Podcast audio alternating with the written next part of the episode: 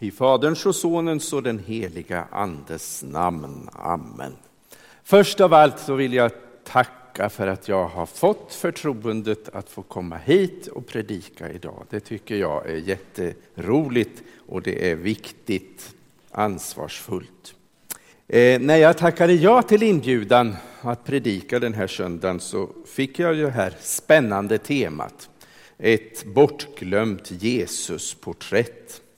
Och här tycker jag att det är speciellt ett ord som sticker ut lite mer än de andra och det är ordet porträtt. Det är inte så ofta vi använder det idag. Och det ordet fick mig att tänka på de här gamla hederliga familjealbumen som förr i tiden fanns i varje hem men som väl nu för tiden ligger i någon låda på vinden eller i källaren eftersom alla våra fotografier idag är digitala och finns i någon slags cybermoln och som vi tittar på i våra datorer och läsplattor. Men eh, jag tänkte alltså på det där fotoalbumet som man i lugn och ro tillsammans kan bläddra i och upptäcka porträtt och bilder och som man kan hjälpas åt att komma ihåg hur det var när det där fotot togs. Och ibland så kommer jag inte ihåg någonting utan det är någon annan som hjälper mig och med andra bilder så är det precis tvärtom. Om vi nu tänker oss att evangelierna i Nya testamentet är ett slags gemensamt fotoalbum för kristenheten så vill jag idag bläddra fram en bild som jag egentligen inte tror är bortglömd på något sätt men som innehåller många olika dimensioner som jag inte alltid tänker på. Och de här olika dimensionerna i bilden är viktiga att minnas och reflektera över. Och den bilden som jag tänker på den finns hos Matteus, den finns hos Markus och den finns hos Lukas. Och idag stannar vi inför Matteus bild. Och nu läser jag ur Matteus evangeliets tredje kapitel, verserna 13 till och med 17. Får vi se, det kanske kommer en sån text. Ja, det gör det. Sedan kom Jesus från Galileen till Johannes vid Jordan för att döpas av honom. Men Johannes ville hindra honom och sa, det är jag som behöver döpas av dig och nu kommer du till mig. Jesus svarade, låt det ske. Det är så vi ska uppfylla allt som hör till rättfärdigheten. Då lät han det ske. När Jesus hade blivit döpt steg han genast upp ur vattnet. Himlen öppnade sig och han såg Guds ande komma ner som en duva och sänka sig över honom. Och en röst från himlen sa, detta är min älskade son, han är min utvalde. Den här bilden, Jesus stående i floden Jordans vatten, där Johannes döper och andens duva sänker sig ner över Jesus. Den bilden känner vi säkert igen och den bilden och den berättelsen är något som de allra flesta kristna i en majoritet av världens kyrkor stannar upp inför så här vid den här årstiden precis efter jul och trettonde dagen. Nu måste jag be om ursäkt för jag förstår att jag föregriper det som ni tänkte tala om 2 februari. Men det visste ju inte jag. Och det blir ju en helt annan dimension då än vad det blir nu. Förra söndagen så predikade Fredrik om Jesu eh, vid 12 års ålder i templet. Och nästa bild i evangeliernas fotoalbum, det är just den här bilden nämligen. Hur Jesus blir döpt. Som underrubrik för predikan så har jag valt Min Jesus och vår Jesus gemensamt, personligt och privat i livet som kristen. Min Jesus och vår Jesus gemensamt, personligt och privat i livet som kristen. I Jesu dop finns de här tre dimensionerna. Det gemensamma, det personliga, men också det privata. Jag börjar i det gemensamma, vår Jesus. Jesus ställer sig i kön tillsammans med de andra vid Jordanfloden för att bli döpt av Johannes. Floden Jordan, det är inte någon sån där stor och mäktig och bred flod, utan vi skulle nog snarare kalla den för en å. Men den rinner upp på berget Hermons höjder, tusen meter över havet, och så rinner den ner till Döda havet som ligger 400 meter under havsytan. Johannes döparen döpte i närheten av staden Jeriko, ungefär vid den här platsen där Israels folk, en gång befriat från slaveriet i Egypten, hade gått över floden under ledning av Josua för att nå löfteslandet. Och här vid Jordan så blev profeten Elia upptagen till himlen i en stormvind. Och i Andra Kungaboken läser vi om hur syrien Naman blev frisk från sin spetälska i floden Jordan. Floden Jordan är alltså långt före Jesu dop fylld av stark symbolik, livgivande vatten, övergång från fångenskap till frihet, från död till liv. Och själva namnet Jordan betyder djupt nedstigen. Och det är ett namn som också säger något om Jesu dop. Soldater som hade utnyttjat sin makt, ekonomiska brottslingar, prostituerade, folk som i sin egoism utnyttjade andra, människor som föraktade sig själva och därför också föraktade andra. De hade allesammans känt något i sitt samvete när Johannes predikade omvändelse, trots att han till och med hade kallat dem för huggormars eller eh, huggormsyngel, det vill säga slags avkomma till den onde själv. Men alla dessa människor som gått ut i ödemarken för att lyssna på Johannes, de ville förändra sitt liv.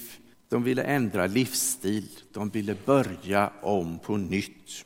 Och tillsammans med alla de här ställer sig Jesus i kön för att också han ska döpas av Johannes. Och Johannes protesterar med all rätt. Det är inte jag som ska döpa dig, det är du som ska döpa mig. Han förstår inte och Jesus förklarar egentligen inte utan säger bara låt det ske. Det är vi, så vi ska uppfylla allt som hör till rättfärdigheten.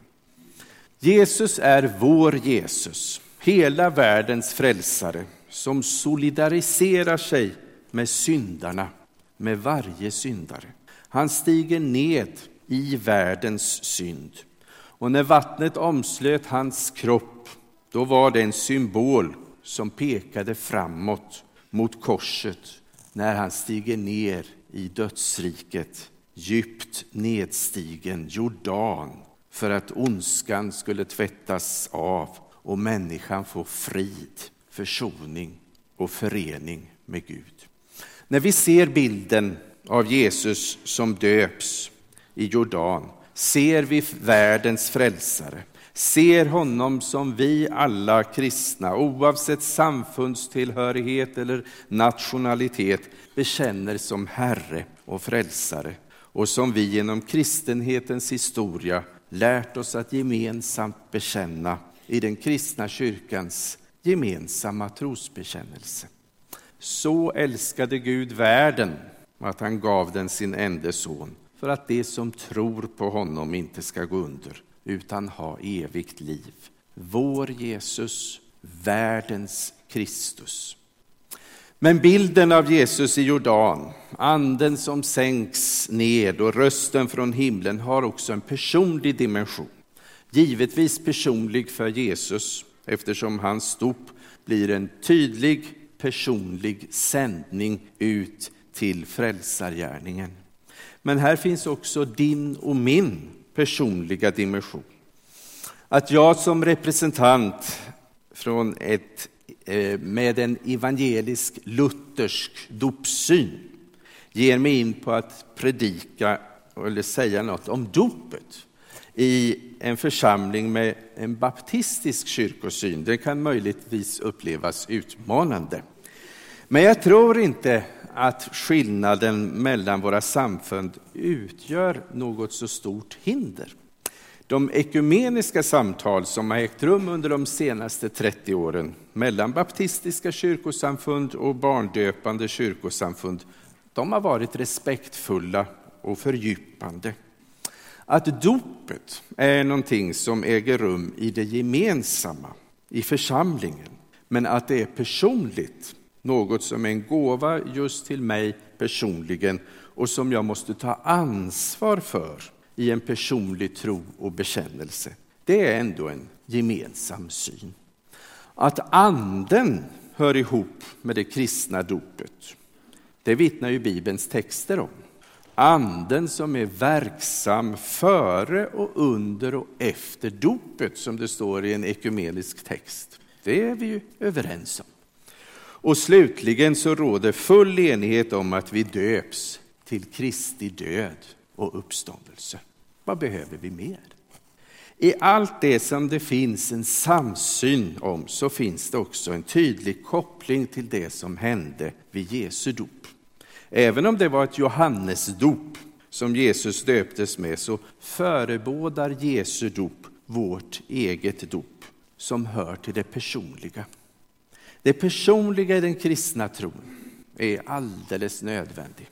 Precis som Jesus kallade sina lärjungar med en personlig kallelse för var och en, så kallar han också oss, var och en, genom en personlig relation. Och det är ju i mig, i min person, Kristus måste födas. Det är ju i mina tankar och i mina handlingar som Jesu vilja ska bli verklighet. Det är ju med mina egna ord som jag kan vittna om Jesus Kristus, inte med andras ord, utan med mina personliga ord. I den kyrkotradition som jag företräder och kommer ifrån så har vi inte det personliga vittnandet om Jesus som en självklar del i den gemensamma gudstjänsten. Men i vardagen, i mötet människor emellan, vittnar vi alla på olika sätt i ord och handling personligen om vår kristna tro. Vår Jesus och min Jesus, det gemensamma och det personliga, båda måste finnas i den kristna församlingen. Men så finns det privata också. Eftersom det just är privat så sägs det naturligtvis inte så mycket om det. Och det privata, det ska inte blandas ihop med det personliga. För då kan vi göra både oss själva och andra illa. Det är viktigt att tänka på när vi vill vittna om Jesus. Det privata är viktigt att erkänna hos sig själv och att leva i. Men det är något som bara Gud och jag själv känner till. Det privata kan vi tala om under själavårdens tystnadslöfte. Men i övrigt handlar det bara om något som bara Gud och jag själv vet och ska veta något om.